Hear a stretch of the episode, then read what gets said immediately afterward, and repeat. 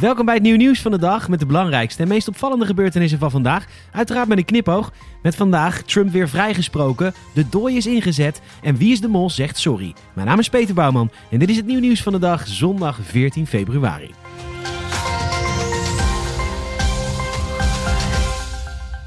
Donald Trump is in de Amerikaanse Senaat vrijgesproken na zijn impeachment door het Huis van Afgevaardigden. Maar liefst zeven van de 50 Republikeinen stemden mee met de 50 Democraten. Er is echter niet genoeg, want anders dan in het Huis is in de Senaat een tweederde meerderheid nodig. De afzettingsprocedure werd in gang gezet naar aanleiding van de bestorming van het Capitool op 6 januari jongstleden. De leider van de Republikeinen in de Senaat, Mitch McConnell, stemde gisteravond voor onschuldig, maar gaf Trump verbaal nog wel een ferme trap na.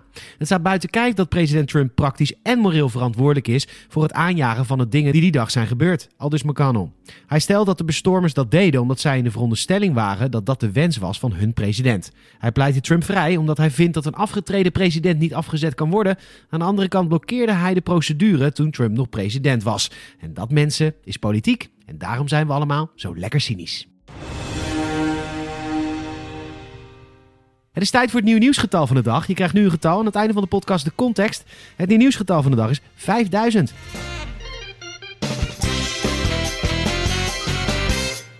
De dooi is ingezet en op deze laatste ijsdag van deze winterweek is het halve land op de ijzers naar buiten getrokken voor een schaatsje, een gluwijntje en soms een spontaan straatfeestje midden in de pandemie. De afgelopen dagen ontstonden er ook al dansende clusters heethoofdige hoofdstedelingen, maar ook daarbuiten weten mensen zich soms niet in te houden. Onder de rivier is het carnaval begonnen, tenminste voor sommigen. Op de socials is te zien hoe deze vrij grote groepen winterjassen zich met een pilsje in de hand hebben verzameld rond smaakmakers met draagbare of op balkons geïnstalleerde speakers. Springend en joelend maken ze er nog wat van, maar de politie en de gemeente zitten er gezien de woekerende pandemie niet op te wachten. Mede gezien het dooiende, en dus gevaarlijke ijs op de grachten, riep de gemeente vandaag op om naar huis te gaan en daarbij vooral ook de maatregelen in acht te nemen. Op het Vrijthof in Maastricht hebben enkele honderden mensen de start van Vastelavond gevierd. En in Tilburg heeft de politie net als gisteren carnavallers naar huis gestuurd. Ja, we snakken allemaal heel erg naar een feestje, alleen ja, het zal toch zonder mensenmassa moeten gebeuren. Maar ja, aan de andere kant, dat klinkt ook weer zo sneu. Hier is dat feestje. Hier. Een aantal mensen in het Friese dorpje Gerkersklooster ging gisteravond een stukje toeren met een jeep op een bevroren sloot. En dat ging eventjes best voorspoedig totdat het onvermijdelijke gebeurde en de terreinwagen moest afleggen tegen de ijslaag. Bij het Titanic-tafereel slaagde de bestuurder uit de auto te ontkomen, maar de wakbak zakte voor de helft weg in het water. Het bevroren voertuig moest uiteindelijk met een kraan uit het water worden getakeld. Op het moment dat dit gebeurde brandden de koplappen van de wagen nog. Wat de schade van het geintje is, is niet duidelijk.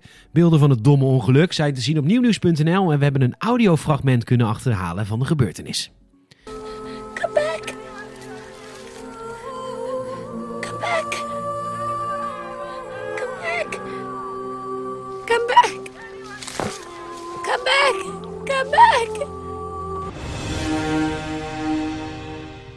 Zaterdagmiddag is een Nederlandse militair om het leven gekomen in Noorwegen. De Koninklijke Marechaussee is een onderzoek gestart. De politietak van Defensie zegt zolang het onderzoek duurt geen verdere mededelingen te kunnen doen. Eind vorige maand werd bekendgemaakt dat een grote militaire oefening van de NAVO in het Scandinavische land niet doorging vanwege het hoog aantal besmettingen met het coronavirus. De NAVO had een wintertraining op de planning staan om militairen klaargestoomd te houden voor werk in extreme winterse omstandigheden. Toen zei het Korps Mariniers dat er zo'n 600 Nederlandse militairen, die er al waren, in Noorwegen zouden blijven. Het is niet duidelijk of de overleden Nederlander in die context in het land verbleef.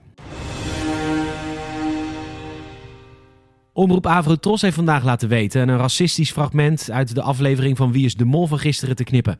De omroep biedt excuses aan nadat er verbaasde reacties binnenkwamen over een uitbeeldopdracht waarin deelnemers Charlotte Nijs en Marije Knevel spleetogen maakten om de Koreaanse rapper Psy af te beelden. In een verklaring op Instagram wordt vandaag gemeld dat de kandidaten direct na het spel terugkwamen op hun actie. Ze realiseerden zich dat het kwetsend is. Het fragment had niet in de uitzending mogen komen. Kandidaat Knevel beaamt ook op Instagram dat ze direct wist dat ze fout zat. Ik maakte van mijn ogen spleten omdat ik nadeed wat ik zag gebeuren. En daarna zei ik direct: Dit kan niet tegen degene naast mij, want dit is racistisch en niet een grap. Dat gedeelte is alleen in de montage gesneuveld. Ook Marije biedt haar excuses aan.